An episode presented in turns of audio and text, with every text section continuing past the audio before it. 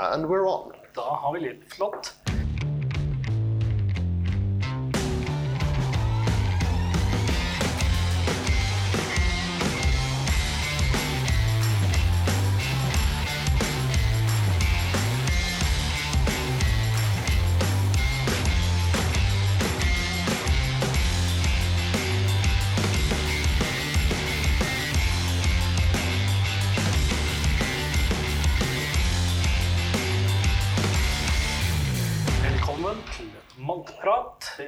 Dag sitter jeg sammen med Are på Are sitt kjøkken. Og Som etter den tidligere suksessen med gjester i Vannpratstudio, så har vi fått med oss en eh, ny gjest i dag. Vi har med oss eh, Rasmus Christensen. Også kjent som eh, stemmen bak Skotsk tåke. Hei, hei. takk for at jeg fikk være med. Jo, vi har jo hatt det under planlegging en stund at, vi, at du skulle dukke opp. Ja, det har jo vært litt eh, prat frem og tilbake, men eh, det er jo sånn med disse hobbyene at du eh, møter masse hyggelige mennesker og drikker mye whisky og lover hverandre gull og grønne skoger, og så sitter du der dagen etter og bare Pæn, han fyren der. Han skal vi i hvert fall ikke ha med på noe. Så det var veldig hyggelig å få en formell invitasjon. Og Ja. spennende tema er det også, så dette blir bra. Du har jo vært involvert med, med oss før. eh, I og med at du skaffet til veie noe av det vi smakte på på eh, Stian har Are smaker på drit. Ja, jeg gjorde vel faktisk ikke det. Eh, det? og det er det som er litt synd, fordi jeg har noe ordentlig søppel liggende. Som, eh, så hvis dere er klare for en runde to Det, det, det, den er etterspurt, eh, så det, vi bør jo planlegge en runde to, ja. Da skal jeg spare noe Jeg har noe jeg, Det er ingenting som slår den sentesen. Det er det verste jeg har smakt også. Men jeg har et par andre fra litt sånn uh, annerledes land som ja. jeg tror kan være med å konkurrere. Og jeg har også en eh, ventende på meg på et auksjonshus. Ok, så, ja, Som du har betalt penger, gode penger for? betalt uh, dårlige penger for. Den Ja. var ikke dyr, men uh, den var morsom. Uh, og jeg er helt sikker på at jeg ikke kommer til å klare å drikke hele den er det 1,5 dl-flasken selv. Så jeg tenker okay. jeg kan donere litt av det nå. Ja. Akkurat. Nei, men da, da har vi en avtale om det. Det hadde vært veldig artig å få en runde to. eh, Men grunnen til at jeg trodde du hadde vært en av bidragsyterne der, er jo kanskje det at du har tidligere omtalt en del ordentlig drit på bloggen din. Og, og du skriver så underholdende om det. Det er jo det er to ting jeg liker best når jeg anmelder whisky. Det er de veldig gode, og så er det de veldig vonde. Fordi at Hvis du har en som er midt på treet, du sitter der med en helt standard Anoctol, Anok 12 f.eks. Frisk og fin, ikke noe usmak på den, du kan drikke den når som helst, men hva skal du si om den? Dette smaker som 30 andre whiskyer jeg har drukket. Ti av dem det siste året. Um, den smaker litt bourbonfat, den smaker litt fruktedestillat osv. Det er ikke spesielt underholdende. Det er ikke spesielt underholdende å anmelde heller, selv om jeg ser jo poenget med det. fordi man har jo lyst til å skrive om ting som er litt relevante, og som folk kanskje finner på å plukke opp en dag. Ja. Men det som er gøy, er jo når du enten bare taper deg helt inn i en helt fantastisk whisky, eller du drikker noe som er så vondt at det liksom setter i gang jeg skal si, en blanding av kreativitet og, og, eh, og noen, noen, noen sånne referanser som bare Frykt og kreativitet. Ja, virkelig. altså. Ja. Du sitter og brekker deg. Ja. Det er akkurat det. Det, det er de ekstreme som er, er lett å egentlig omtale og, og være kreativ på. De, de som er midt på treet, som du egentlig ikke gidder å bry deg om, det, det er notorisk vanskelig. Men du har jo over mange år har du drevet skotsk eh, tolke. Jeg begynte i 2012, så jeg er vel syv år nå. Sju år. Ja. Det er, eh, det er jo en eh, viss utholdenhet i det. Det er det. Eh, og ja, vi snakket jo litt om det på vei hit, Stian, at det er jo noen dager så går Så er ikke motivasjonen helt der. Eh, Nei. I det siste har det vært uh, mye annet som har skjedd i livet, og da, det er klart at da går produksjonen ned. Men uh, jeg ser ikke for meg at jeg kommer til å gi meg med dette med det første. Jeg har altfor mye moro med det. Så. Ja, ja.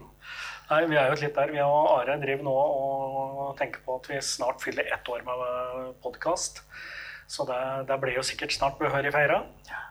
Det blir bra, det må jeg si. Jeg syns jo dette her er det kanskje på mange måter det mest spennende tilskuddet til norsk whisky i det siste. Bortsett fra selvfølgelig noen destillerier som begynner å lage Ja, ja, god, det- god norsk whisky. Men, eh, men eh, det er noe med at eh, det er plass til, det er plass til noen bøker og noen blogger og noen greier der ute. Og, Men det er såpass, tross alt såpass få nordmenn som brenner for dette, at, at det er gøy når det kommer til nye formater og nye måter å sette seg inn i og, og, og lære om dette her på. Da. Ja. Så blir det jo også litt mer personlig når du hører stemmen. Så jeg er veldig veldig fornøyd med at dere satte i gang dette. Og jeg, jeg har hørt alle episodene. Det er ikke som oppvarming for i dag. Nei.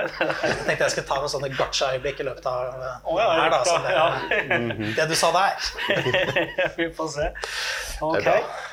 Um, hva har vi tenkt å servere i dag, Are? Eller eh, la oss starte med hvor i Skottland skal vi? Ja, altså Vi skal jo ganske langt nord. Ikke helt nord, vi snakker ikke John O'Groats eller Orkneyøyene, men, eh, men vi skal et godt stykke nord, og det, det er vel Northern Highlands. Northern Highlands, ja. Ja, og eh, vi har jo vært gjennom A-whisky, og vi har vært gjennom B-whisky. Så det er på tide med C. Riktig. Ja. Og dette er en whisky som, eh, som har en viss fanbase eh, rundt om i verden. Det, han er veldig populær, har jeg lagt merke til. ja, altså det, Skal vi si det med en gang, sånn at vi slipper å prate oss rundt grøten altfor Og lenge? kom igjen, jeg liker å la folk ja, tippe litt grann før vi går hen og spoiler. Vi sier eh, langt opp i Northern Highland, så den begynner på C. Da heter ja. det på Calmore. Nei, Dalmoren, Vent nå. Det blir Det er neste igjen. eh, Ned på D. Ja, nei, det, det er jo selvfølgelig Clanleash Ja. vi snakker om. Jeg er glad for at du sa det først nå, for at, eh, jeg hadde jo veldig mye Jeg hadde fått med meg mye om dette destilleriet inn, i litterære kilder, og da på forumer og den slags. Da tenkte jeg at her må jeg få prøvd, så jeg gikk jo inn på en bar og skulle bestille det. og så står det Har du noe um, Klinellish? Eller Kleinelish? Å ja. Så, til slutt så fikk jeg jo forklart hva jeg var ute etter, og jeg fikk en dram. altså. Mitt første møte med Kleinelisch var eh, en, en kjip affære. Rett og slett fordi at jeg, eh, jeg var på en flyplass. Eh, Det var i min, min whiskybarndom of sorts. Jeg var ikke så veldig orientert, kanskje. Jeg likte whisky, men jeg var ikke veldig orientert. Og så går jeg på World of Whiskies på eller noe sånt noe, og sier at hei, eh, jeg skulle gjerne hatt en whisky som er litt utenom det vanlige. eh, Og jeg liker liksom de, de sherrylagrede, litt mørke, søte whiskyene. Ja, sier fyren. Vær så god, da skal du eh, ha denne her. Og det, det er fra et nedlagt destilleri, så denne får du aldri mer igjen. Ja, ok, kult, sier jeg. Kjøper den. Går hjem og setter den i skapet, for jeg har andre ting jeg må drikke opp først. Eh, Det er bare det at når jeg kommer til denne her, så viser det seg at dette her er jo en signatory eh, non-chill filtered serie Klein Leash Som har aldri sett noe annet enn bourbonfat og er pissegul. Han er ikke mørk i det hele tatt. Så jeg var litt irritert. Og så åpner jeg den for å smake på den, og det er noe av det kjedeligste jeg har smakt. Det var ikke interessant i det hele tatt. Jeg endte opp med å gi flasken vekk til, eh, til Chris Mail og, og hans eh, månedlige whisky og middag-smaking, som jeg var med på. Ja, Så vi må rett og slett rette opp inntrykket ditt i dag, da. For at det her er Jeg- jo bra greier. Jeg har smakt masse Clannish siden, Ja. og, og det har vært good stuff. Så, så det var bare uflaks med den første, og det kan godt hende at jeg har likt den veldig mye bedre nå. Det er jo interessant det du sier om, eh, om sherry der. Fordi eh, jeg vet jo at dere har hver deres hovedpreferanse der. Selv er jeg litt sånn midt på treet. Ja. Jeg kan falle veldig dypt og hardt for begge deler. Men eh, akkurat Clanlish, den vil jeg helst ha på bourbonfat. Eh, Det er et eller annet med karakteren der som jeg syns passer best sånn. Ja, jeg, jeg, ja, ja jeg, sånn åpenbart sånn så tenker jeg jo dette er, eh, Jeg syns jo nesten av alle whiskyer at de gjør seg best på bourbonfat. Eh, Jeg syns f.eks. sånn mortlack som folk prater om, som er å, fantastisk og tåler så godt. Jeg blir så god på sherryfat. Den beste mortlacken jeg har smakt, har ligget i 25 år på bourbonfat. Men eh, det er klart jeg, jeg har jo noen sherrywhiskyer jeg liker òg, men eh, ja, jeg er enig i det. altså at uh, Clanleash gjør seg nok best med bourbonfat. Og Hva mener du, Are? Bare sånn at vi får noe Jeg er faktisk enig, og det, det der om at vi foretrekker hver våre ting, det, det er like mye gimmick som, eh, som reelt. Nei, altså Noen av mine absolutte favoritter er, er ting som har ligget på bourbonfat. Og uh, altså det er jo av og til jeg liker ting som har uh, bare sherryfat. Men, men vi har snakket om det før, at det har en tendens til å bli veldig ensidig. Og av og til er det den siden jeg vil ha. Men uh, sherrylagring passer jo ofte best som en finish på noe som har vært på bourbonfat, Synes jeg. Det, Jeg vil si det, eller at du har et uh, rik, gammelt, godt rifilfat som har ligget lenge. Disse gode, gamle bøtsene fra, fra 60- og 70-tallet som på en måte Du sitter ikke igjen med den derre totalt syltetøy og sukker. uh, altså Sånn som en, en del som PX-lagret Glendronach og sånn. Det blir overload for min del. Jeg, vil ha, jeg vil ha tanninene, jeg vil ha jeg vil ha eiken, og så vil jeg ha den der lille, elegante sherryen på toppen. Da. Og der har du jo mange av disse litt sånn derre nondescript flaskene som på en måte, ja, den ble lagt på et eller annet eikefat for lenge siden av en eller annen uavhengig tapper, og så smaker den eh, godt, mm. uh, men litt udefinerbart fat, så er det jo ofte et sherryfat, bare at du ikke kjenner sherryen så godt. Det, det er noen av de beste jeg finner, altså. Denne episoden her ble jo til eh, Nå hopper jeg bare sånn rett inn, for nå er altså Dagens dobbel er da seks flasker i dag, så jeg bare sånn Som vanlig. Ja. Eh, Denne episoden ble litt sånn til fordi at jeg fikk endelig bestilt meg Clanlish 14 på polet. Etter at den har vært litt inn og ut. Jeg tror den er inne nå. Eh, og da var det litt sånn i en eller annen diskusjon på Facebook da, så var det noe, flere som gledde seg til dette her, der jeg påstod at ja, jeg skal overbevise Are om at det blir en Leash-episode så fort denne flaska er i hus. Ja, det er jo halvannen måned siden nå, men uh, det er jo relativt kjapt, syns jeg. Det er ikke så gærent, det. Nei. Neida. Jeg har en flaske Kleinish 14 stående i en kasse på loftet som jeg kjøpte på destilleriet for to og et halvt år siden. eller noe sånt. Noe. Så jeg har ikke egentlig følt det sterke behovet for at han skulle komme på polet, selv om det, det er fin vare. Ja. Så vidt jeg kan vi. Prøve å sende den rundt og så se om vi Jeg hadde 02 av den en gang i tiden som jeg kjøpte i Aberdeen. Ja, det er sånn klassisk meg òg. Når jeg er eh, på, på reisefot i London og omegn f.eks., så kjøper jeg jo whisky i butikker, og så tar jeg med meg en 20 cm for mm. hotellrommet eller eh, lignende. Eller bussturen, eller Og Men uh, Klanis 14 er jo egentlig den, den helt sånn basic eh, utvalgversjonen av den. Uh, Ja, for det- altså, det er vel den eneste egentlige standardtapningen de har, da. Det fins jo noen spesialvarianter som dukker opp med om mellomrom òg, men hvis vi liksom skal Altså, de har jo en Distillers Edition, Ja. og, og de har en, uh, en Flora and Fauna. Og den er vel ute av produksjon. Ja, Ja, er- det, det tror jeg, men er- de, de har hatt den i alle fall. Ja, den, men nå er det den, det er den der på en måte som er eh, har overtatt. Floran Fonan var vel forgjengeren til denne, så da den ble lansert, så tror jeg den, eh, den det er godt mulig. Jeg fikk jo faktisk tak i en flaske av denne her jeg på det slippet som aldri eksisterte. Ja. Fordi eh, Jeg husker dere nevnte det i den episoden hvor dere tok opp det at, at den skulle ha kommet, og så kom den ikke. Jeg bestilte den på BU to, kanskje til og med tre ganger, og fikk masse kontrabeskjeder og sånn, og så plutselig en dag så var den der. Ja. Så det var tydeligvis noen som har blitt rotet inn i systemet, men uh, hvordan det skjedde, det, det er ikke godt å si. Eh, Jeg har hørt noe greier om at uh, i Sverige så finnes det noe regelverk for hvor lenge de kan ha ting stående på lager, og at hvis det har stått på lager uten å bli solgt, jeg tror det er to år eller noe sånt, så må de kvitte seg med det. Og Derfor dukker det av og til opp fra, uh, ting fra Systembolaget i Norge, som f.eks. den Beaumont Tempest Batch 6 som nå plutselig dukket opp en pall. Oh, ja. Hvorvidt det stemmer eller ikke, det, det har jeg ingen mulighet til å kontrollere. Men det, det er forklaringen jeg fikk, i alle fall. Og Det var det samme visstnok som skjedde med disse her eh, uh, Lagavulin uh, 37 som kom for noen år siden. Okay. Da kom det jeg tror det var seks flasker eller noe sånt til polet som, som kom fra Sverige og ikke hadde blitt solgt. Ja. Så I don't know. Det er Men i alle fall, spennende, spennende hvis sant. Eh, Ja. Det kan godt være det stemmer, det. men uh, Klein Leash, altså de produserer jo store mengder. Ja, det er, ja og, og hvor gjør de av den når de bare har en 14-åring? Nei, det er akkurat det. 95 leste jeg. eh, går til blends. Mye Johnny Walker der. Johnny Walker, er, er det ikke Gold Label Reserve som er, eh, som er Clandish-basert? Her er det mye Klein Leash. Ja. Men eh, det er jo en del andre Johnny Walker òg, vil jeg tro. Så ja, sikkert. Og så vil jeg jo tro at de eh, selger en god del òg. Altså når du ser eh, Jeg syns jo alle Compassbox-whiskyer, for å ta i litt, grann, synes å inneholde 50 pluss prosent Clandish. Ja, de må jo være en god kunde sånn sett. Ja. Det er vel ikke det som får unna de store volumene. Nei, men det fins jo et relativt stort omfang av uavhengige tapninger å få tak i. da. Og det tror jeg er veldig lurt av de. Altså, jeg spurte på en sånn Klein Leach eh, fangroup på, eh, på Facebook tidligere i dag. Hva, hva er det som gjør at, at Klein Leach er så populært? Hva er det du digger med Klein Leach? Eh, Og svaret var, var fra en fyr at nei, altså For det første så, så likte han på smaksprofilen. Syntes han var god og alt dette her.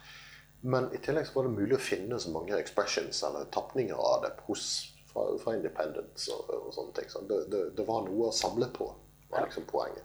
Selv om de ikke har all verden offisielle tapninger sjøl, så, så var det mulig å faktisk nerde litt på det. Jeg kjøper den. Ja.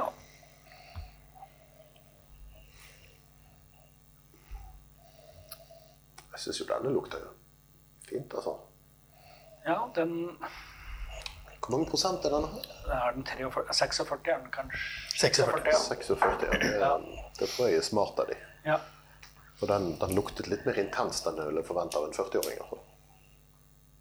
En 40 prosenter. Ja, 40 Ja, 40 40-åringer kan lukte intenst, jeg er enig i det, men Ja, jeg, kommer en taxisjåfør i Storbritannia i Håg, eksempel. Men, Men det her er litt sånn eh, Noe appelsin Skall, sitrusskall Ja, jeg, jeg tenkte litt eple. i, altså. Grønt eple. ja. Litt sånn Granny Smith-type ting. Jeg er for så vidt enig i begge deler. Kanskje for meg mer mot sitron enn appelsin, men, mm. men eple er jeg helt med på. Og en ting som, Det er en stund siden jeg har drukket denne her nå, og det er en, åp, en nyåpnet flaske også. ja. Det lukter litt mer sånn eh, Nesten litt sånn brøddeig enn jeg husker det. Ikke veldig kraftig gjær, men en litt sånn eh, Gluten. Ja, kanskje det er det. da. Farlig, da. Gluten, ja. ja nei, men uh, jeg tenker at jeg prøver å smake litt uten vann. jeg.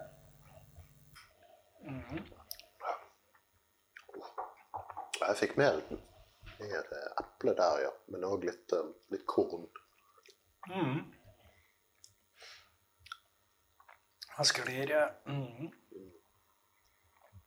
Nei, denne, jeg syns den var riktig fin. Det er Sånn at jeg angrer på at jeg ikke kjøpte en flaske på polet, så jeg kunne ha en til forbruk. Jeg ja. mener jeg bestemte jeg så en på polet forleden. Eller et pol hvor de hadde opptil flere. Ja, ja. Ja. ja, altså det er, jo, det er jo mulig å håpe at dette nå blir en del av uh, standardsortimentet på bolig. Altså, det er jo på en måte en del av denne her standardrangen til Diageo-whisker. Ja. Og uh, jeg kan komme på et par stykker i hvert fall som godt kunne ofret plassen sin for denne. Ja, Selv om jevnt over syns jeg den serien er uh, helt ålreit. Det Hva koster Klein Leach 14 på polet? Ja, 600 noe? eh, det hvis er 600 blank. Ja, det er- var ikke mye med å gjøre i hvert fall. Ja, 600 blank og 600 blank. Jeg vil si han det er rett, rett i underkant. 599,90. Ok, My bad. Ja. Det er klart, Kommer du med kontanter, så blir det 600, da. Ja, det, det er god valuta for pengene, vil jeg påstå. Altså. Ja. det er helt enig. Det burde vi holde kjeft om, for nå kommer folk til å gå og kjøpe. ja, ja. En ting jeg merker meg, sammenlignet med den siste flasken jeg hadde av det, som var fra forrige gang igjen de hadde den på polet jeg, jeg plukket vel opp sammen med Anders, som jeg skrev blogg med før, eller som var med på Skogståke før, så plukket vi opp hver vår flaske på polet på Tjøme. Og det var de to siste flaskene i Norge av den, eh, av den batchen. Og dette må ha vært, det må ha vært rundt den tiden vi startet bloggen, altså 2012 kanskje. Ja, og jeg tror, ja, og de har antagelig ligget en stund, fordi at det, det, det, så vidt jeg vet, så har det bare vært én runde med Klein Leach 14 før, og det solgte så dårlig at det var ikke noe. Det, det, er nok, det er nok den, ja. Men det, det jeg syns Jeg har nok drukket denne siden, men det er den siste gangen jeg liksom hadde god tid og, og hadde en hel flaske. Jeg på å si, om ikke for meg selv, så i hvert fall eh, Ja, dere vet jo hvordan det er. Um, det jeg merket meg da, var at jeg syns ettersmaken var ganske kort. Altså Det var en whisky som du endte opp med å drikke opp veldig fort fordi du tok en ny slurk hele tiden fordi Ja. det smakte godt, og så var det borte. Um, her skjer det mer utover i smaken. Det er ikke noe voldsom finish, men det er en sånn liten sånn Og nå er jeg på appelsinskallet. Nå er det en sånn, litt sånn sitrusbitterhet som ligger bak i munnen og bare koser seg. Jeg er helt Sammen enig. med litt bourbonfat, eh, litt vanilje. Ja. Den her er mer kompleks enn jeg husker den som. altså.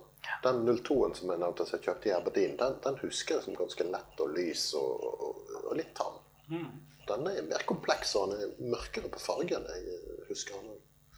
Men dette er jo fort gjort at det står mitt farmstopp bakpå der. Er det ikke Tenkte jeg skulle sjekke. Kan godt være. Eh, det står mitt fargestoff, og så står det eh, Barv Barvig Karmel. Det skal være polsk. Så Ja, da ser vi bort fra fargen. Ja. Men jeg syns også det som jo liksom jeg ofte kjenner med Clendish, er jo det er litt sånn det er et eller annet honninglyngaktig. Og så er det det vokspreget som jo liksom Ja, det der vokspreget, det, det er jo det Klein Leach er kjent som. At det, det, liksom gir en sånn her voksfølelse i munnen og litt sånn vokssmak. Ikke det at jeg smaker på voks så veldig ofte, men Nei, men du har Og jeg, jeg, jeg mener at jeg kan lukte voks òg, ja. Så hvis det jeg har hørt noe om årsaken til det vokspreget. Ja, eller altså, jeg vet, jeg vet at ja, fordi at på et eller annet tidspunkt så, så skulle de vel gjøre rent hele systemet sitt og fjerne en del sånne fettavleiringer i eh, jeg si avløpsrøret, men i røret fra destillering og over i Jeg hørte det var i The, the Faints Receiver, altså eh, der de, eh, de legger spriten som kommer ut av destillasjonen og er for svak, men som skal inn og destilleres på nytt. Ja, riktig. Ja. Så i hvert fall så, så vidt jeg vet, eller så såga sier at de har aldri vasket det røret siden. eh, fordi at Jo, det gjør de. Det, det jeg eh, hørt, er at de, de vasker det røret, men de tar og legger det, dette her eh, fettgreiene tilbake etterpå. Ja, riktig. Ja, ja det er sommer, Sånn, og da bør det bli god whisky, tenker jeg. Ja, ja. det, rent er det jo. Så eh, Ja. tross alt. Sterilt. Men det er, Men, eh, det er en slags klassiker, dette her, eh, innenfor sitt segment. Altså, det er en, eh, en enkel og, og egentlig sikkert ganske standard vare, masseprodusert, men eh, det, det, er, det, er, det er godt, altså. Mm. En annen ting eh, som overrasker mange, er òg det at eh, dette er jo faktisk en, en medium peated whisky. Og det er mange som tror han ikke er peated i det hele tatt, eller bare lightly peated. Men det er faktisk mer peated enn folk tror fra kornet. Du kjenner jo, Ja. kjenner jo litt av det. Ja, det er, men, det, ja, men det er litt sånn, det er litt sånn, sånn, litt sånn udefinerbar bass i, i bunnen. Ja, det er ikke noe som hopper og skriker av, eh, av røyk, men, men det er lite grann. Men nå har vi jo liksom Nå har vi lagt lista, liksom, for å Ok, dette er godt. Får vi se, da. vi- Skal vi, går vi opp eller ned? Du, eh, du har konkludert med godt, altså eh, karakter syv. Og sånn, ja. ja eh, greit. Eh, La oss komme tilbake til det, da. Kan noen eh, sende rundt den lille flaska? Ja. Den flasken der har jo òg en liten historie, for den har vært innom Stian før. Ja, Ja. Altså ikke bokstavelig, men Nei, men det stemmer, det. Jeg tror eh, Nei, men Stian, nå heller du Klein ikke i et glass der det står noe annet. Ja, ja, det får gå. Ehm, den det her, den eh, har jo egentlig sitt opphav i forgjengeren til Maltprat-podkasten. For den flaska der kjøpte jeg inn til eh, noe jeg kalte Maltprat Sessions, som var uh, whiskysmakinger jeg holdt på eh, en tidligere jobb, der, der du og da vi jobba sammen. Og så tror jeg at jeg tok meg resten opp til deg som en slags avlat for at jeg hadde fått en annen whisky fra deg til å servere på den Maltprat-session en gang. Jeg tror, jeg tror jeg har fått en Glenn Glenlivet eller et eller annet eh, slump av det. Så, du, så at kom jeg tilbake med en annen slump. Det husker jeg, men du lånte en haug med glass. Det husker jeg. Ja, det Men er ja, sikkert. samme det. Ja. Samme det. I alle fall så snakker vi om en Adelphi-tapning. Ja. Eh, Nærmere bestemt Adelphi Faskedale Som er, egentlig da er en tolv år gammel Klein Leach. Og Den holder 46% og har vært innom Bourbon Hogsheads. Dette er batch 6 av den, som det ble til sammen 1396 flasker av. ja. Så hva snakker vi? Tre tønner? Noe der omkring? Uh, Kanskje mer. Ja, den er bananer òg sikkert Ja. litt, da. Ja. ja. Tre, kanskje fire tønner? ja. Ja, et eller annet der. Og de har vel ikke kommet med en ny Fascadale etter batch 6, har de det? Ikke som har vært i Norge, i hvert fall. Eh, og den, den der var lenge til salgs på Polo. Så det, det er litt sånn Det står jo ikke at det er Kleinlich i beskrivelsen på polsida. Det står jo bare fast, fastskadell i tolv år, og da skal du skal du ha litt sjøltillit for å bestille den. Mm. Eller være nysgjerrig. Hvis jeg ikke husker helt feil, så sto det på flasken eller boksen at det var Kleinlich. Ja, Akkurat, da- ja, akkurat som det står på Liddles, Lidsdale at det er Ja, da. De legger ikke skjul på hva som er innholdet, men jeg tror ikke, jeg tror ikke de annonserer også. Ja, Ok, Kleinlich er hell, altså, Vi prater om det som at det er eh, kjent for alle og enhver mann, men det er jo ikke det. Det er litt sånn Ja. Så, lenge det er så få offisielle tapninger, så er det ikke Du finner jo ikke dette på taxfree. Dette er en av de flaskene som eh, alltid har blitt bumpet ned for min del. Det er nå, selv om jeg har drukket jeg tror jeg har smakt i hvert fall fem av de forskjellige rinsdelene også. Ja. Står med den i hånden på polet, og den ser jo god ut, og jeg vet det er godt også. Men så er liksom Ja, men jeg er 18 år gammel bunna. Jeg kanskje jeg skal kjøpe en 18 år gammel bunna i stedet.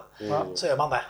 Eh, Bunna 18 er jo veldig, veldig fin. den er jo veldig god, men uh, Men den siste, angrer jo for det. ja, den, den siste Lidsdale, altså nå sporer vi jo helt av, men den siste Lidsdalen, eh, batch 10 var det vel, den var jo egentlig nesten 26 år.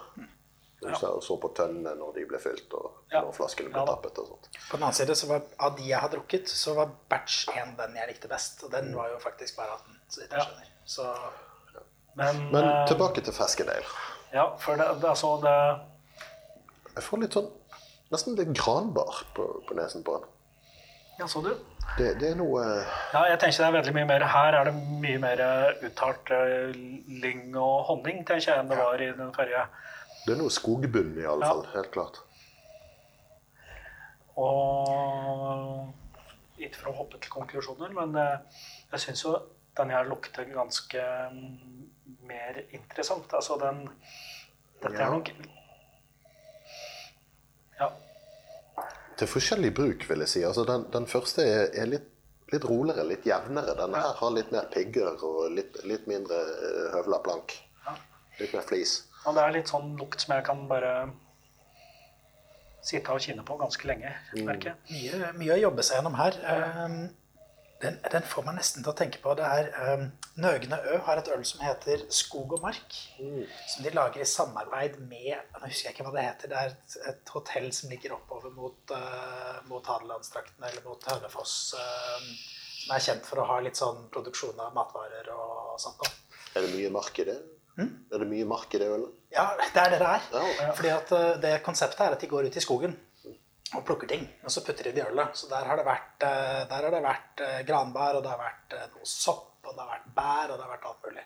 Okay. Og det har litt denne her, her også, for jeg finner noe, det er noe bær, det er noe røde bær, eller tyttebær kanskje, en, en sånn Ja. um, Gneis. spesifikk gneis. Ja. Men, men ja, jeg mener altså, det, er, det er nesten noe norsk over denne. Det, det er noe fjell og hammer og ja, for den er ganske mineralsk òg. Det er kanskje det du mener med den gneisen din.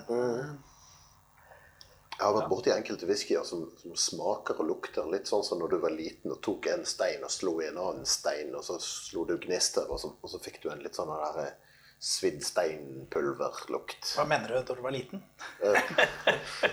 Ja. Når man, når man var yngre og skulle lære seg risikovurdering. Å, men det smaker godt òg, vet du. Ja, ja, ja. Dette, altså, dette her er um, Minner meg mer om Klein Kleinlich enn Klein Kleinlich 14, og det er jo litt rart å si, men Men det er jo fordi at eh, selvfølgelig har jeg jo smakt flest uh, uavhengige tapninger, og det er det der jeg har uh, danna meg egentlig noe sammenligningsgrunnlag. Altså, begge disse her to er vidt forskjellige fra den, eh, den Clinician som jeg ga vekk. Sånn, Ja, er- sånn som jeg husker den. Sånn som du husker den, ja. Det var sikkert en kjempegod en. Are. Ja, Men denne her er litt, litt feitere òg. Um, Nei, en sånn liten sånn Jeg er helt enig. Jeg syns også denne her er bedre. Jeg syns den er I hvert fall at den er mer interessant. ja. Um, kanskje litt mer nippewhisky, der den forrige er uh, den du på en måte bare sitter og drikker av. Ja. Um, Litt mer fremtiden røyk i denne, syns jeg. Det kan ha noe med å gjøre at den er 12 og ikke 14. Men det er en liten, liten spiss på denne her, og den, den vi sa, sa vi noe om alkoholvolumet på den? Den er 46, Den er også. 46 den nå. Og den kjennes for meg mer boozy enn den forrige. Ja. Så jeg gjorde jo det med den andre også uten noe stor fanfare, men jeg har skjønt at her skal man kommentere at man putter vann eller ikke i whiskyen. Og jeg er da en av de som sverger til å i hvert fall prøve. Og, så, og hvis den ikke funker, så putter jeg ikke vann i neste gang. Selvfølgelig også med det unntaket at sitter du med en gammel gammel sheriffatlagret whisky på lavt alkoholvolum, så ødelegger du ikke den med vann. Nei. I den forstand at du ikke tilsetter vann. Yes. Eh, Jeg ble spurt her om dagen av eh, en kar jeg ikke var klar over var, var whiskyperson, eh, om eh, hvor mye vann jeg hadde i whiskyen. Og jeg sa ok, for de siste 1000 whiskyene jeg har smakt, så har jeg kanskje hatt vann i 5 til 10. Ja. Så det hender, men det er ikke ofte. Men det er jo en smakssak, de greiene der. Ja, ja. Det, Jeg ser ingen grunn til å ha vann i denne fra mitt ståsted, i alle fall. Men Nei, men altså, jeg syns jo det, det, det, det er jo da at det, er I hvert fall min påstand er at det er ikke bare tull, det som skjer. det er spennende å se hva som skjer. Og her skjedde noe. Nå fikk jeg nesten sånn sjokoladeaktig uh, greie her. Men, uh, ikke en sånn, ikke en sånn uh, kølsvart sjokolade, men 70 eller et eller annet der. Ja, ja. Ja, og så tenker jeg det ble, Honningen ble liksom mer tydelig. uh, Ja, det er jo en sånn god, fin honningwhisky, altså. ja Jeg er ikke helt nødvendigvis enig i at den er bedre enn 14-åringen. Nei, det er, skal du få lov til å uttale deg om Nei. i eh, eh, Jeg kvantifiserbare metoder eh, på tampen her, Are. jeg sier ikke at jeg er uenig, men, men jeg er ikke overbevist. Er det litt sånn at vi nå skal prøve noe som sherry greier, da? For nå har vi i hvert fall Sannsynligvis er det kanskje en Det, det er muligens en miks av sherry og bourbon i 14-åringen. Det er eh, antakelig overvekt av bourbon. Det er jo relativt vanlig på sånne standardåpninger. Mm. Ja, dette det bourbon, er, en, og nå dette er flaske nummer 216 av 244. Den er Ja. cask strength, dvs. Si i dette tilfellet 55 Ja. Den har ligget i tønne nummer 1471 og ble tappet i juni 2014. Den ble destillert 15.3.1995. Så det, den er 19 år gammel. Og uh, har blitt uh, tappet av et uh, Ja, de er vel svenske, ikke de det? Nei, er de det? Jeg tror det. Blackadder. Ja.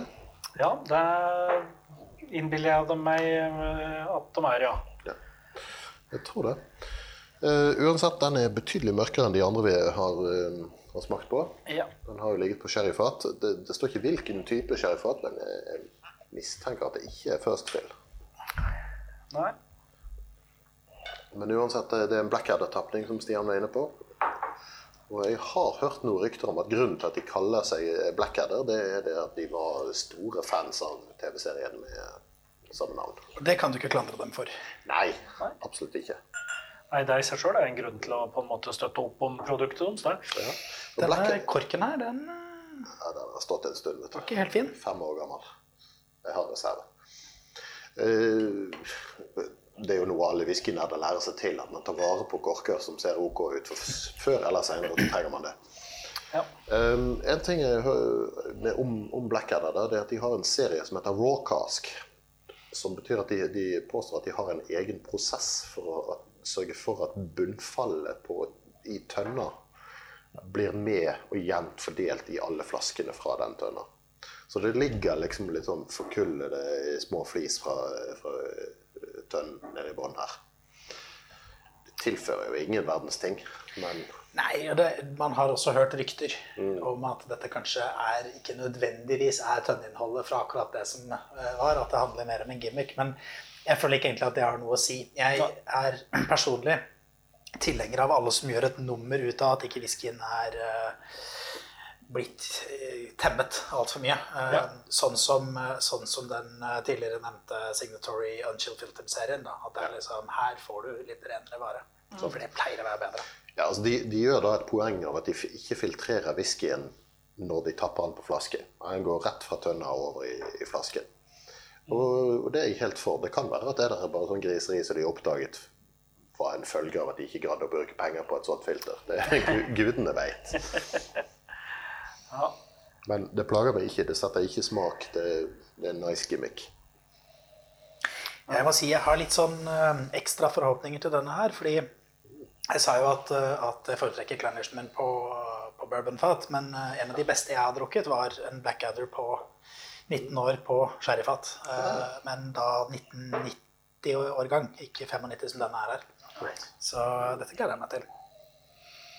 Ja, og altså, det er jo en greie da når du begynner å komme um, Hvis du googler Clelish og uavhengige mm. så er det 95- og 97-årgangen eh, av en eller annen grunn som veldig ofte dukker opp. Eh, og så vil jo da folk påstå at ja, men det, det er fordi Clelish var spesielt bra i de årgangene. Jeg er vel litt usikker på tror det er like mye med hva de solgte. Og, ja, jeg, jeg har jo mistanke om at det ble solgt veldig mange fat fra Cladlish ut i tappemarkedet på, de- på de årgangene. Altså Spørsmålet er jo hva de gjorde i 96 mm. for at det skulle bli så mye dårligere med det samme utstyret. Ja. Eh, Det er klart at eh, fattilgang og sånn har sikkert sitt å si på noen av disse årgangene. At noen ting er blitt legendariske, sånn som 72 både Kleinlich og Brora, mm. som Ja. har et helt spesielt navn. Men, eh, men eh, det er vel ikke Jeg er enig med deg i at det ikke er noe grunn til å tro at 95-97 skal plutselig være så mye bedre. Jeg tror ikke nødvendigvis økonomi har vært involvert særlig mye heller. For Klein er jo eier- eid av eh, som eier en stabel av destillerier. Så jeg, jeg tror ikke de har problemer med tilførsel av verken penger eller tønner. Nei, nei, men det er liksom, jeg tenker at tilgangen på, i markedet for de uavhengige tappere har kanskje vært stor av en eller annen årsak akkurat i de to åra her, tenker jeg. Eller Eh, Men jeg har store forhåpninger til denne her. For jeg, som jeg har sagt før, så er jeg en stor fan av, av den whisky Altså whiskyer som, som har den, den sherrysødmen og litt røyk. Den, den komboen passer meg helt utmerket. Ja, nå har jeg tjuvsmakt på den, og Ja. ja da. Den er her til gangs. eh, Ja. Dette er den andre Klein Nei, eh, Blackadder-flasken jeg har hatt. Den, den første var en uh, Legic. Altså uh, peated whisky fra Tobomori, som de markedsfører under navnet Legic. Uh, som Blackadder eh, da hadde tappet. Og, og det var basically eh, min kjære svigerforeldre som hadde vært i Danmark på, eh, på tur. Og gått innom en, eh, en sprithandler i en eh, Jeg skal ikke nevne navn. Eh, og bedt om å få en flaske av den særeste skotske whiskyen du har. Sure, det er denne. Plonk. OK, takk. Den skal hjem til svigersønnen. Og det var da en, en Legic på 63,5% Så mannen med den største selvfølgelighet tok over grensen. ja, ja. Ja, det, det har vel skjedd både før og siden. Ja, sikkert. Men Den er tom nå, så Eh, ja, jeg, jeg kommer til å ha i vann nå, selvfølgelig, etter hvert her. For at jeg Ja, det er ikke direkte Altså, 55 var det da du sa den var, Are? ja. Ja. Jeg, jeg syns jo ikke sånn sett at, det er, eh, at den er plagsom på nesa, men eh, og- også her, ja, det er, Dette er jo litt sånn det er litt sånn godsida av sherryen. Dette her, jeg kjenner jo det. Det er litt sånn Men den er ikke overveldende søt. Nei, også ikke, ikke sånn der supersøt og Og så er det det derre gummipreget som jeg av og til påstår at det fins i sherry. da. Men det holder jeg med deg. Jeg syns den var der på nesen, men den har forsvunnet så å si helt for min del. Det er, noe, det er definitivt litt svovel her, men, men ikke av den typen som, som er plagsom. Nei, nei dette her var, eh, var drekkende. Are. ja, jeg syns den var fin. jeg. Og her er jeg usikker på vann. Fordi Ja, ja. min erfaring, eller min personlige erfaring med den typen whisky er at ofte hvis du putter vann i denne her, så vil det ta ganske lang tid før vannet setter seg. Så du får litt sånn der bitter, eh, ekstrem greie. Og da er spørsmålet hvor lang tid vil jeg vente med å drikke opp resten av denne. Jeg tror jeg tar et litt sånn kompromiss, og så drikker jeg mesteparten neat, fordi jeg syns den har funket veldig bra sånn som den er, og så skal jeg ha oppi litt vann helt til slutt, bare for å se hva som skjer. Dette honningpreget som Stian snakket om, det får jeg veldig mye mer i 14-åringen enn i denne. For her har nok det, det blitt skjult en del av Ja, for at, eh, sherryfatet. ja, det er jo det som er med sherry, eh, tenker jeg da. At det ofte så blir liksom en del av det karakteristiske med destillatet da, blir litt uh, har lett for å drukne. Og noen ganger er jo det bare en fordel, uh, men uh, ikke for Klein Lish, da, tenker jeg. Nei. Spørsmålet er jo også om destillatet kan bære de kraftige smakene. Og det kan det jo. Så det, det er det som er kanskje eller det som er en av de spennende tingene med Kleinlish, er at du kan drikke en ganske nedstrippet og røff utgave og få gleden av råspriten og kvaliteten på varene. Men samtidig så er det whisky som tåler fatlagring. Som tåler eh, å bli tilsatt eh, eller få en, eh, en tur på, på sherryfat. Uh, dette er et godt eksempel på det. Dette var en god whisky. Eh, dette, er, dette er klart beste så langt i dag. Og de andre var ikke dårlige. Nei, jeg tror ja. vi skal være hardt presset for å finne en dårlig en fra Klein Altså. Jeg har drukket flere dårlige whisky fra Kleinish. Uh, det, det må jeg innrømme. Men det er liksom det er også et destilleri man har drukket mye av fordi det er så mange independents der ute, og fordi det er så bra, og fordi det er så engasjerende, så ender du opp med å prøve mye. Så jeg har røket på selv uh, Cadenhead-tapninger som har vært uh, subpar uh, derfra, dessverre. Men uh, Jeg, jeg har smakt uinteressante Klein Niche, men jeg har aldri smakt en dårlig en. Nei, jeg, jeg har vel litt um, jeg, har, jeg har fortrengt de dårlige minnene, i hvert fall. Eh, nei, jo, nei, jeg har faktisk drukket Det var en signator i Sherry Clandish som Ja, den sherryen nødla for meg. Mm. ok. Ok, Bare ikke si dette til noen, men jeg tar noen dråper vann i denne. Ja. Jeg, eh, jeg skylder på dårlig selskap. Nå er det jo da sånn at vi er fortsatt i eh, uavhengig tapperverden. Ja. Eh, og uh, ja, dette her Vi har vel ikke smakt noe fra denne etappen her uh, tidligere i Jeg tror vi har nevnt de. Ja, vi har nevnt de. Jeg vet om annet var på prat i forrige episode, som Rasmus umulig kan ha hørt ennå, for den er ikke lagt ut ennå. Men um, vi skal til uh, Scotch Malt Whisky Society. Som uh, jo er en interessant uh, tapper. Uh, veldig ofte så Altså, det er jo en klubb eller forening, en society, som starta med at de egentlig fikk tak i noen whiskyfat og begynte å gi dem ut. Et eh, nummersystem som eh, er ett nummer, punktum et annet nummer, og nummeret foran punktumet skal, er en henvisning til hvilket destilleri som det er. Det står ikke noe destilleri på etikettannons. Og nummeret etter punktumet er det er fatnummeret på Altså ikke nummeret på fatet, men Tapningen. nummeret på tapningen i rekken av tapninger fra dette destilleriet. Nå sitter vi med 2606 i glasset. Som er da, og 26 er da mm, destillerikoden for Glenlish. Eh, 106 er da det 106. fatet de har tappa. Eller er det, er det fat, eller er det tapning? Jeg vet ikke om de noen Eh, gjør noe annet enn single cast. tror de tapper helfat. Jeg tror ikke de har begynt å slå sammen fat. Det er ikke som jeg har fått med meg, men nei, jeg tror også det er eh, det. Så, men da blir vel tapning eller fat blir vel hipp som happ. Ja. så vi skal se på det på den måten. Skal vi se. Nå, Eh, sånn som eh, Scotch Malt Whisky Society siden tapninga ble servert til meg første gangen, altså konseptet, så, så virket det veldig pretensiøst for meg. Det, fordi at vedkommende som fortalte meg om de sa det at nei, det for at du ikke skal bli påvirket av å se destillinavnet på etiketten, så har de satt inn en tallkode i stedet. ja da, ja, det, Og jeg tenkte mitt med en gang. Men um, i tillegg til å ha denne koden, så har de jo veldig eh, Jeg tror helt ifra starten av, nei, kanskje ikke aller første, så har de ofte en litt sånn fargerik beskrivelse likevel, Ja. som skal gi, gi deg et slags inntrykk av hva dette skal smake.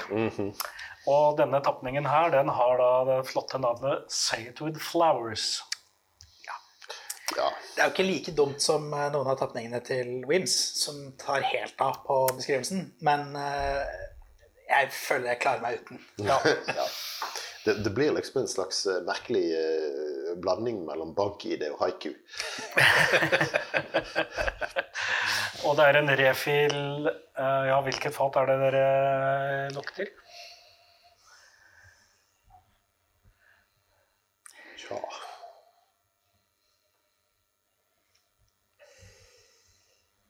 Det, er- det er fristende å tenke sherry igjen, men uh, den forrige var såpass eh, bråkete på det at det er litt vanskelig å kjempe seg gjennom den nå.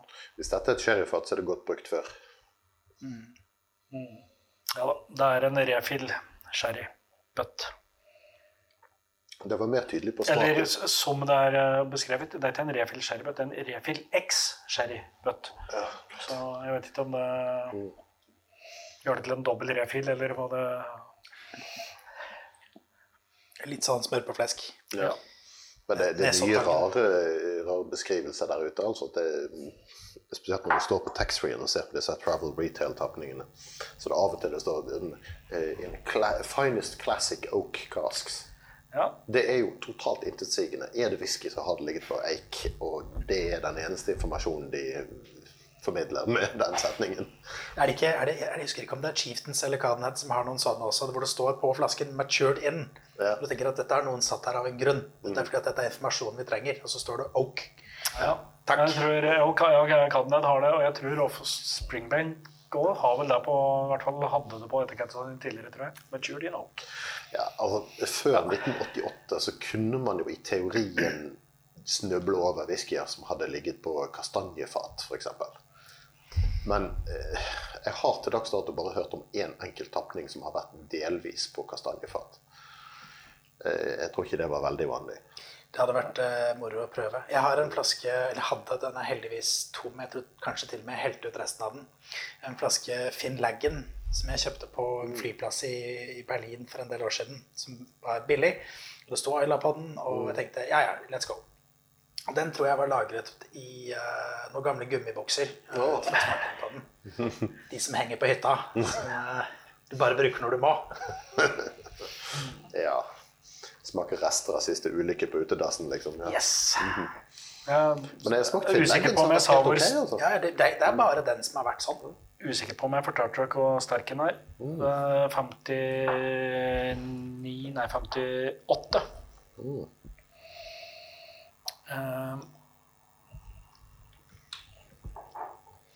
som jo er en anstendig styrke på en eh, 29 år gammel eh, whisky. Mm. Den smakte ikke så sterkt. Nei, men dette her er litt sånn Her er jeg litt sånn her her bibliotekverden når jeg sitter og lukter på dette her. Ja. Dette, dette smaker sånn gammelt papir som var alt annet enn syrefritt. Eh, luk, lukter, mener jeg. Så gamle paperbacks på en eller annen Ja. Eh, eh, sånn antikvariat i Charing Cross Road i London. Liksom. Ja, og dette er en lukt som jeg setter pris på. Ja. Det er det, og så er det jeg får nesten litt sånn fettaktig, litt sånn, sånn smultaktig uh, note her, sammen med, med dette gamle biblioteket. Ja.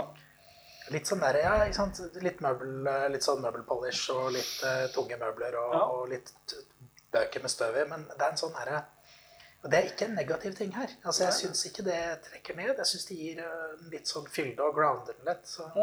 Altså, bibliotek og, og bruktbokhandler det er det nærmeste jeg kommer religiøse opplevelser. Eh, og hvis du kan i tillegg sitte, sette deg ned blant eh, disse her eikbokhyllene og 100 år gamle bøker og drikke whisky, da det hadde vært et tempel for meg. Ja, for Spørsmålet er om det er litt blasfemisk å sitte i en whiskypodkast og snakke om at det finnes større religiøse opplevelser enn nettopp uh, livets vann. Ko kombinasjon. Med på det. ja. Men nei, dette her syns jeg dette er, eh, dette er min greie. Ja, den var riktig fin. Her er jeg, eh, nå er jeg litt i tvil. Fordi Ja. jeg syns denne var veldig, veldig god. Um, og det er et helt annet uttrykk enn den forrige, og den er egentlig et uttrykk jeg pleier å foretrekke. Ja. Men den forrige var også veldig god. På sin måte. Og jeg er jaggu ikke sikker på hvilken jeg liker best. Nei, sant? De er veldig forskjellige, men begge to er veldig gode. Eh, Jeg gikk litt tilbake til den forrige nå, på nesen, og da fikk jeg plutselig et sånt whiff- av ristet brød. Litt sånn småsvidd. ja. Jeg er enig, og det første, første jeg tenkte, var faktisk eh, sånn uh, pommes frites-krydder. Ja, ja, hvem spiser Du kan ikke spise pommes frites uten. Nei, ikke sant? Så, Jeg trykte i meg et halvt kilo kyllingvinger i dag, så det kan hende jeg er litt påvirket jeg, satt på, eh, jeg satt på Harbour Inn på Ayla for en del år siden og luktet på en uh, ung Kalila. Hva sa hun til det? Hva sa du? Hva sa hun til det? Ikke sant? Eh, jeg var åtte år gammel, da, så la oss ikke gå dit. Eh, men, eh, men så sitter jeg her så sier jeg til de andre at det er et eller annet, det lukter løk av whiskyen min. Hvorpå alle sitter og ser rart på meg, så peker de mot kjøkkendøren da hvor det står røykos ut av Hadde jo vært og besøkt noen destillerier og sånn, så det var vel kanskje ikke helt. Jeg har en lignende historie fra, fra Oslo Whiskyfestival. Jeg tror kanskje jeg har nevnt den i en tidligere episode. Men jeg hadde brukt alt av bonger og litt til på en uh, gammel Port Ellen. Og sto der og liksom skulle riktig kose meg med den og nerde litt ut. Og oi, den lukta bacon. Jeg har aldri luktet på en whisky som lukta så mye bacon før. Hva i alle Dette var spennende. Og så snur jeg meg, og to meter bak meg så står de og selger hotdogs. Ja. Det er faktisk eh, kanskje det eneste jeg har å utsette på Oslo Whiskyfestival, som jeg ellers er veldig stor fan av. Det er den pølseboden. Mm -hmm. ja, den har redda meg. ja, altså, jeg liker tilbudet, men uh, det, det, er en lukt som uh, er litt drøyere enn den burde vært. altså. Ja. På den annen side, altså Whiskyfestivaler vi, vi, har jo hatt en festivalspesial hos oss. Det, det er det er en god introduksjon til en del whiskyer, men det er kanskje ikke alltid det rette forumet for å nerde helt utover det. For det, er jo alt annet enn et nøytralt miljø. Nei, altså jeg ser, De første årene jeg dro, så løp jeg rundt med penn og papir. Mm. Det gidder jeg ikke lenger. Eh, jeg er der for å prate med folk. Jeg er der for å smake på god whisky. Og um, hvis jeg får gjort de to tingene, så er jeg fornøyd.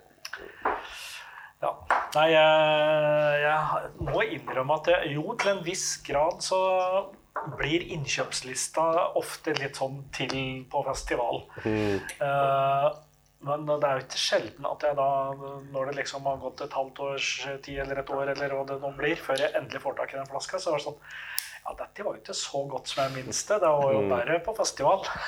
Blir ofte det. Ja, det Festivalbrillene. Ja. Eh, på festivaler så er det ofte for meg ønskelisten blir til, ikke innkjøpslisten. Ja, ja. Jo, jo. Og det, det, er en viktig forskjell. Ja, vi er, eh, nå har vi elegant fylt opp eh, med den 50 rekka. Mm. Vi er fortsatt fra Scotch Malt Whisky Society. Jeg tror vi må begynne å gi oss på, på en fire-fem whisker og ikke gå helt til seks. For nå, nå satt jeg nettopp og luktet på vannet. Ja, Hvordan, hvordan rangerer du den sammenlignet med de andre så langt? Uh, tre. ok, vi er på toppning 2633, altså fortsatt Klein Lisch, selvfølgelig.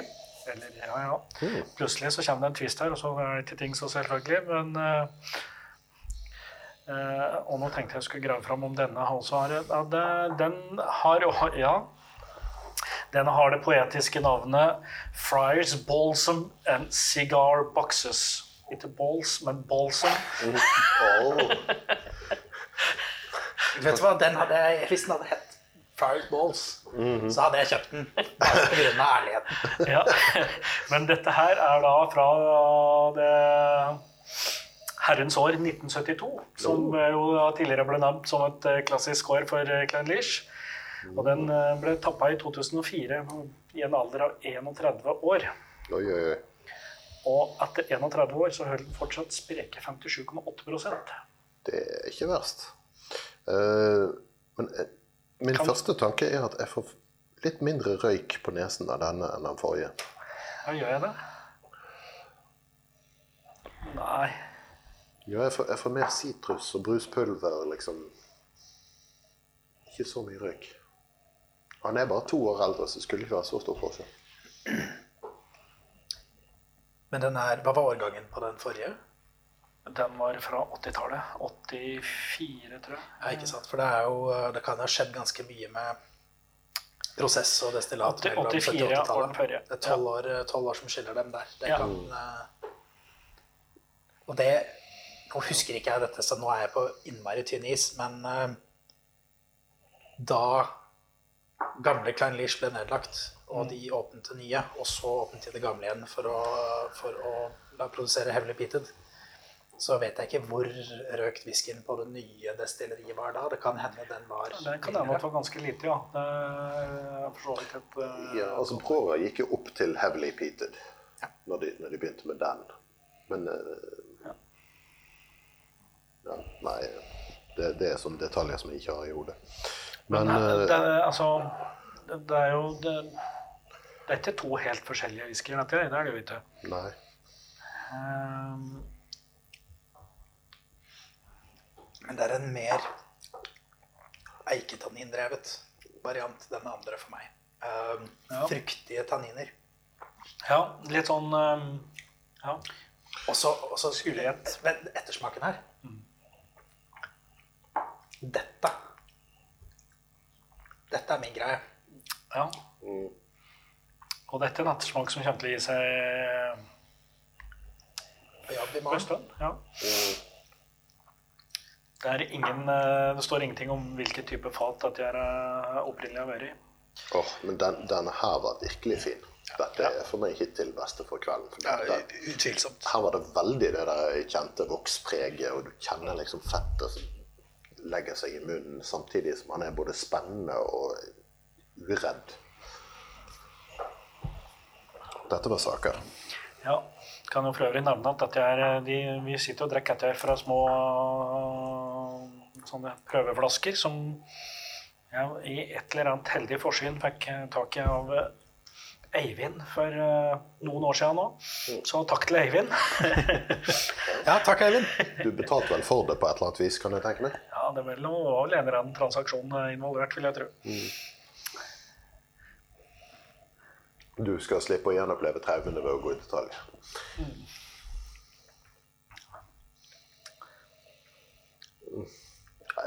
Mm. Oi. Men dette er, ja, ikke sant? Og det her syrligheten og uh, greia som Akkurat som Jeg skal ikke si om det skyldes 1972, men, eh, men eh, at 72-årgangen er legendarisk basert på denne her, det kan jeg forstå. Ja, ikke sant? Jeg har vel bare drukket én annen 72, og det var den Rare Malts-tapningen. Står en flaske av den på loftet. Ja, den, den minner jo om dette, Mm. men jeg vil vel strekke meg til å si at den nok er et hakk. Er ikke det to eller fra av 1972? Det er mulig. Jeg har drukket det er to- jeg har to forskjellige styrker. Eh, mm. Men eh, så den, den er nok et strå eller to hvassere, men dette her er samme stilen. Eh, Og det er, det er kombinasjonen av at det sikkert er godt destillat, helt sikkert det også, men eh, det er noe med den rolige fatbruken her som eh, er veldig, den er veldig passe modnet. Jeg tror ikke den hadde behøvd å ligge noe lenger på fat, den her. Jeg tror den er egentlig på sweet spoten sin. Ja. Ja, dette her var eh, Fabelaktige greier, altså. ja. Men nå har vi jo liksom kommet til dagens twist, for at nå foreløpig så er det har du kommet fra eget lager. eh, Men så har vi jo så trivelige gjester at de innimellom tar med seg en flaske. Og du sa du kanskje skulle ta med deg en Klein Leach. Jeg gjorde jo det òg, da. Ja. Nå, eh, nå har vi jo på en måte, så lenge vi har visst at denne historien er, så har vi på en måte unngått å gå i detalj om noe av historien til Klein Leach. fordi at eh, det fins en uh, Fins det fin, det, altså vi, du, vi kom sånn liksom innpå det i stad, når vi begynte å prate om Brora og altså Klein Leash og én og Klein Leash 2, og er det noen som kan dra historien kort mens vi Det gikk vel, eh, det gikk vel på at uh, Klein Leash-destilleriet ble, ble bygget, eller det ble bygget et nytt destilleri ved siden av det gamle, slitne destilleriet i landsbyen Brora. Og så en gang på Når var det, ja? Var det sen 60-tall? 1968 Ja, kan stemme. den, de stengte originale Klein Leach, Ja, det kan vel og så stemme. gjenåpnet de det året etterpå, tror jeg. Ja, det var et eller, et eller annet sånt. Mm. Men hvor det da rett og slett gikk på at eh, Jeg husker ikke om det var det tørke på Ayla, tro, så de fikk ikke ut den produksjonen av peated whisky de ville ha derfra, fra, fra de andre destilleriene det både har vært, vært Port Ellen, Lagavulin og Kalila, sikkert. Um, så da bestemte de seg for at de fikk fyre opp uh, kjelene på det gamle destilleriet med heavily peated uh, malt for å kunne dekke behovet til blends. Nå ble det relativt, relativt fort, har jeg inntrykk av, gikk det nedover. Så det var veldig peated i starten, og det er jo noe av grunnen til at 72-årgangen er såpass legendarisk, for det var vel den mest peated varianten. men drikker du Brårar fra på 80-tallet, de holdt vel på til 83, som så mange andre, eh, så er det nesten ikke noe igjen av den biten. Det er Ganske mye tammere destillat. Ja. Uh, Men det er òg en eller annen litt sånn uklar overgang der. Jeg har hørt at, at det er en del Clanleasher fra begynnelsen av 70-tallet som egentlig er Brora. Det, Litt sånn det, de jeg har også hørt noen rykter om det, men, men eh, det ble jo destillert på begge destillerier samtidig. Så akkurat hva som er hva, er jo Men står det Klein Leach på en som er eldre, så er det jo en Brora. Ja. Men det er jo òg det at eh, destillasjonsapparatene på Klein Leach, det som heter Klein Leach i dag, er jo en blåkopi av de som sto på Aurora. Så, så de er dønn like, det er bare flere av de. Ikke fra liksom bare avbryte sånn midt i nå, men jo, fra avbryte midt i. Skal vi bare informere om hva vi har i glasset? Ja, kanskje det. Yes. Ja, eh, du, Rasmus, siden du har den med. Historien bak denne flasken her, som sikkert ikke er så veldig spennende for så mange andre, men som jeg må fortelle meg selv for å på en måte forsvare at jeg kjøpte den, gikk på at jeg eh, for en del år siden eh, endte opp med litt mer penger enn jeg trodde jeg skulle ha. Det var en, en veldig sjenerøs eh, bestemor. Så jeg satt der og var litt sånn der Jeg er fattig student og øh, liksom Men jeg, jeg, jeg, liksom, jeg må unne meg noe ekstra godt. Og da hadde jeg sett disse Brora-flaskene stå rundt omkring. Da. Så jeg gikk på polet med klumpen i halsen og, og brente 2800 kroner. Åh, Og en flaske 30 år gammel eh, Brora. Dette er eh, den offisielle tapningen fra 2010. Dette er nummer 642 av 3000 flasker.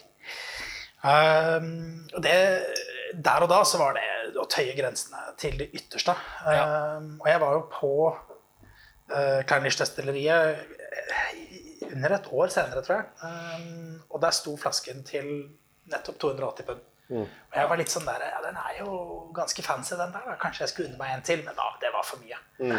og nå koster dette noe helt annet. Uh, dette er jo en av mange missed opportunities, men her da et tilfelle av at det ikke var det.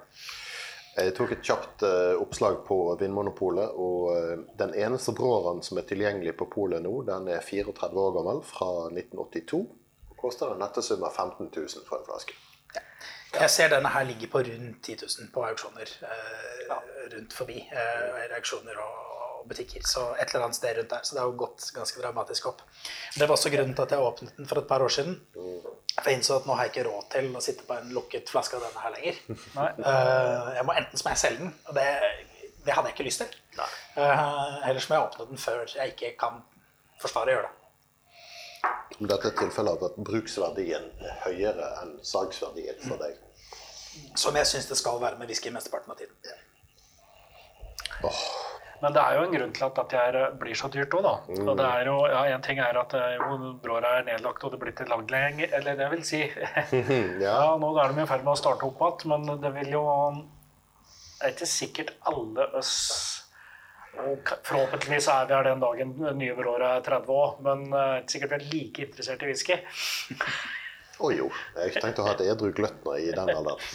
Men, men samtidig jeg, Det er noe legendarisk over en 30 år gammel Brora. Altså, den, den henger høyt. Denne her er destillert samme år som min kone ble født. Altså det, det skal noe til for at en fem år gammel Brora om seks-sju år klarer å være noe spesielt. Og det er jo først tiden som vil vise eh, om det er det samme en gang. Ja. Og så er det også noe med det at eh, for hver gode flaske med Brora som finnes der ute, så finnes det en haug med mindre gode. Eh, spesielt da, altså Jeg vil si den, den serien til Diageo, den offisielle serien, der har jeg, alt jeg har smakt derfra, har vært ypperste kvalitet. Ja. Men uh, en del Independence er uh, nå ekstremt overpriset plank, egentlig. Det står Brora på flasken, og Ja. folk hopper etter det, og det du får, er så som så. Ja, altså det, det er klart vi er kommet dit både når det gjelder Port Ellen og Brå- eh, Brora, at hvis folk har en tønne stående, så er det det at den, den har egentlig kanskje vært uh, litt substandard. Så de har ikke hatt noe, noe grunn til å tappe den på flaske. Men nå får du så mye penger for hva som helst fra det destilleriet. At vi, vi begynner liksom å komme på oppsop-standard. Jeg kjøpte en på Portellen for noen år siden som eh, jeg tror jeg betalte 2600 kroner for den. Og den var eh, middelmådig for å være snill. Den går nå for 10 000-12 000. Det, Håpløst. ja. Um, jeg besøkte Bråra for et par år siden. Eh, og eh, jeg besøkte egentlig Kleinlich, men eh, de drev og pusset opp. Så de hadde ikke omvisninger på Kleinlich, så vi fikk en omvisning på Bråra i stedet. Uff da. Ja, uff. Tragisk det der. Uh, og da fikk vi se disse Bråra destillasjonsapparatene. De var jo kobla fra, og det var masse rør som ikke var der, og, og sånne ting. Men og duer som hadde lagt reir i, i line arms, og i det hele tatt fullt av dueskitt. Men, men det er, så vidt jeg har forstått, de apparatene som vi så den gangen, som skal pusses opp nå. Ja, jeg tror jeg så noen bilder nylig om at de er på vei til, eller på vei fra oppussing, ja. Så ja da, det er de samme pannene som skal brukes. Ja, dette her er uh, det, er mye mer bass i monitor uh, på den her. det er jo mye tyngre Altså mer altså det, er, det er ingen tvil om at det er mer røyk i omløp her. Og det funker jo helt fint, det. Ja, ja. ja. Det er jo eh, Savoy i Oslo som, som prøvde å slå seg litt opp som, eh, som whiskybar i en periode, og kjøpte noen litt fancy tapninger. Jeg tror faktisk de har stått der en stund. skjønner du. Ja, Fra, de- de fra den tida de sist de var whiskybar. Ja. Og de, de har gitt litt opp nå. Ja. Så at de selger de tapningene relativt billig. Så, så en kompis og jeg endte opp der etter en uh, fuktig kveld på byen, og det var litt lenge til bussen gikk. Uh, jeg tror det var 200-300 kroner glasset, og det, det er billig for å være bårer. Jeg, tror vi- jeg tror vi smakte tre eller fire bårer på en kveld. Det var helt konge. Ja, det høres ut som en helt ok kveld, det. Veldig verdt det. Så hvis Savoy har noe igjen, så stikk innom. Ta under i et glass på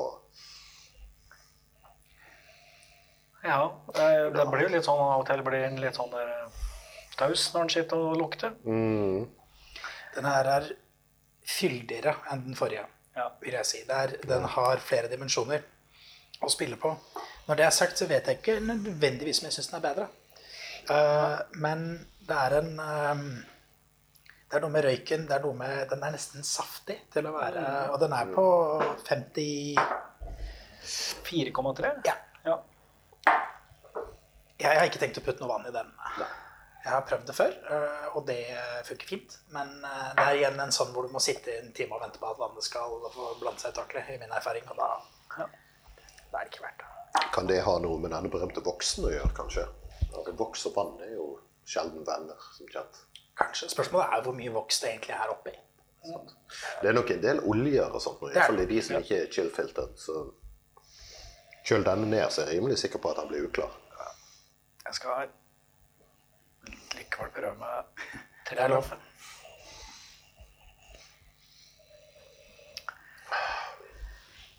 Eh, Vi bør kanskje nevne Clanliche og Brora sin logo, bare med et par ord om ikke annet. Og det er den skotske villkatten. Med en egen uh, skotsk eh, villkattrase, den eneste i Storbritannia. Og uh, sist, sist jeg sjekket, så er det 35 uh, renrasede eksemplarer igjen av arten. Ok, så det er, det er skotsk gaupe? Nei, den er på størrelse med en huskatt. Okay. Altså, Den ser, den ser litt sånn gaupete ut. Den, er litt, den ser litt mer uh, skogsaktig ut. Ja, Men, han, øh, han er berømt for å være en katt som ikke kan temmes. Selv om han er fostret opp i fangenskap, så blir han ikke tam. Så det høres jo veldig skotsk ut. som, hund, som hundemenneske så vil jeg si at det gjelder alle katter.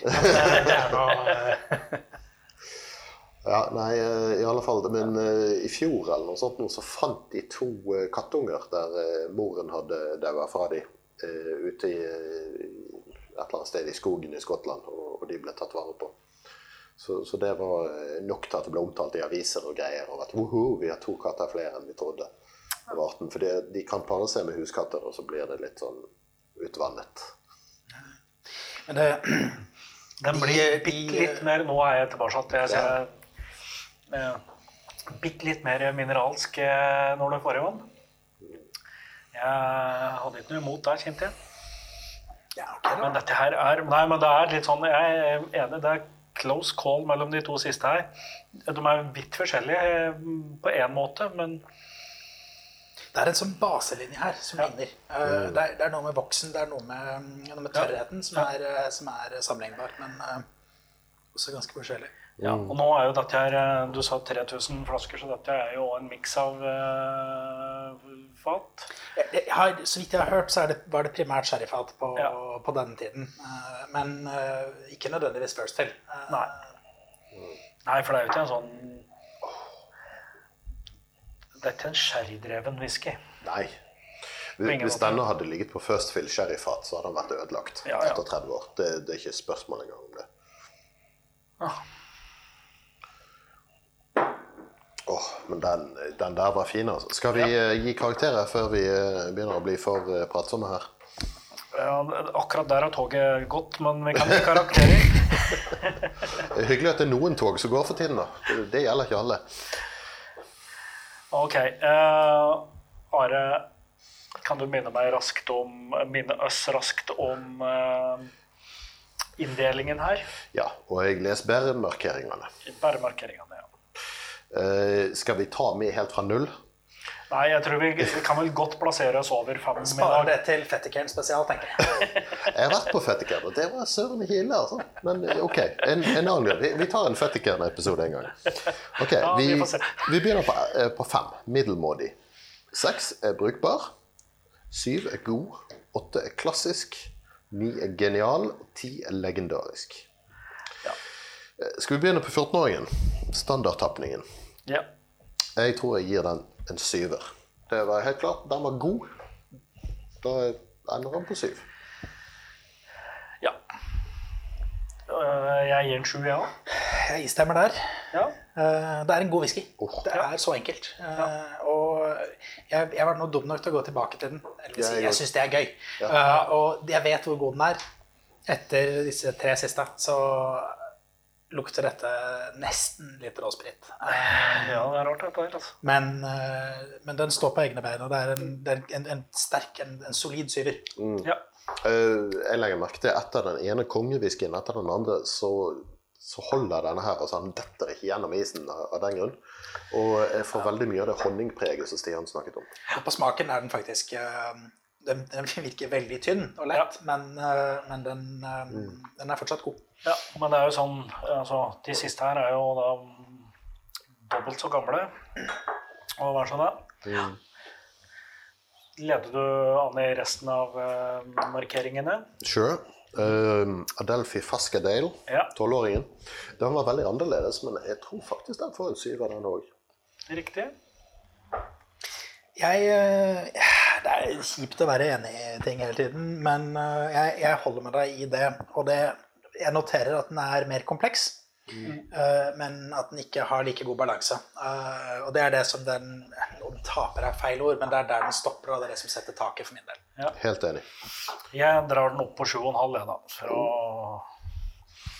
Jeg ser det at hvis jeg fikk valget mellom altså, hva, hva kostet den ferske gangen den er eh, nok Den var nok nesten tusenlappen, tror jeg. Så sånn sett, så, så Hvis vi jeg skulle tatt til hensyn til pris, så er det jo noe annet. La oss si det sånn, jeg ville mye heller hatt to 14-åringer enn en Fascadale. Ja. Eh, og jeg tror faktisk jeg heller ville hatt én 14-åring enn en Fascadale, hvis det blir et spørsmål. Nei.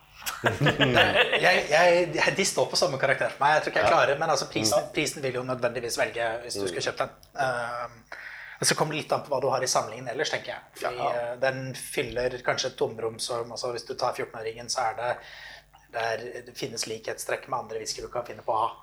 Ja, ja men jeg, ja, men jeg syns den der um, Faskedelen den, den peker litt mer mot de som jeg mener er best eh, eh, litt senere her.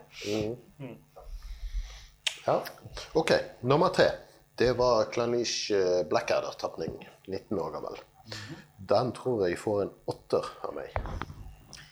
Jeg kunne godt tenkt meg å lese min karakter først neste gang, så det ikke bare virker som jeg kopierer. Eh, Fordi jeg lander på en, jeg lander på en åtter her, eh, jeg også. Um, Den er litt vrang når du går tilbake til den etter de andre. Men eh, når du på en måte finner tilbake til sentrum her, så er det en, eh, en veldig god, eh, veldig god sherrywhisky. Og litt av den typen som jeg liker, som er tydelig sherry, men uten å være for søt og uten å være for voldsom. Det er noe med disse her single-caskene at de, de viser litt eh, individualitet, på en måte. Og jeg er stolt av at jeg klarte å si det ordet uten å snuble etter seks whiskyer. Ja. Jeg kan eh, da være han som er i odd one out i dag, så han her skal jeg bare holde på 7,5. Oi! Det er, forskjellen forskjellene er voldsomme, altså. Ja. det- ja, jeg, jeg, ja jeg, jeg, jeg vurderte å trekke den enda lenger ned, men jeg kan jo ikke legge den på samme nivå som 14. Så, er så, eh, Jeg syns det er takk over den. altså. ja. Men uh, det, husker- dette her er jo et spørsmål om hvilken stil du liker best. Altså. Jeg, ja. Det er absolutt en god uh, whisky, selvfølgelig, men uh, For å trekke inn pris eh, Jeg husker ikke hva den kostet nøyaktig for, eh, for en fire-fem år siden jeg kjøpte den, men eh, jeg tipper en 1800-1900 kroner. ja jeg Du ville ikke fått en 19 år singelkask eh, Kallish for deg i dag. Nei, ikke i Norge. Nei. Eh, Jeg har et par signatory-tapninger som, som kostet rundt 1100-1200 kroner stykket, som er både 20 og 21 år gammel. Nei jeg, OK, Rasmus, neste. You asked for it. Ja da. Jeg um, Den er tricky, fordi jeg syns nesen på den er nydelig. Dette er altså Scotch Malt Whisky Society nummer 26106. En 29-åring. Yes. Jeg syns nesen er fantastisk. Jeg synes smaken er god. Men jeg synes ikke smaken lever helt opp til eh, lukten. Så um, Problemet er når du sitter med veldig mye god whisky foran deg, at det er vanskelig å, å skille. Og du, hvis du fortsetter å klatre, så ender du plutselig opp med 11 og sånn. Og det er det ingen av whiskyene i dag som har vært verdt. nei. Det er vel bare en Springbank jeg har drukket som har vært verdt 11. Um, um, men uh, jeg tror rett og slett at jeg står på 8 her. Det er, en, det er fristende i den 8,5, men jeg står på 8.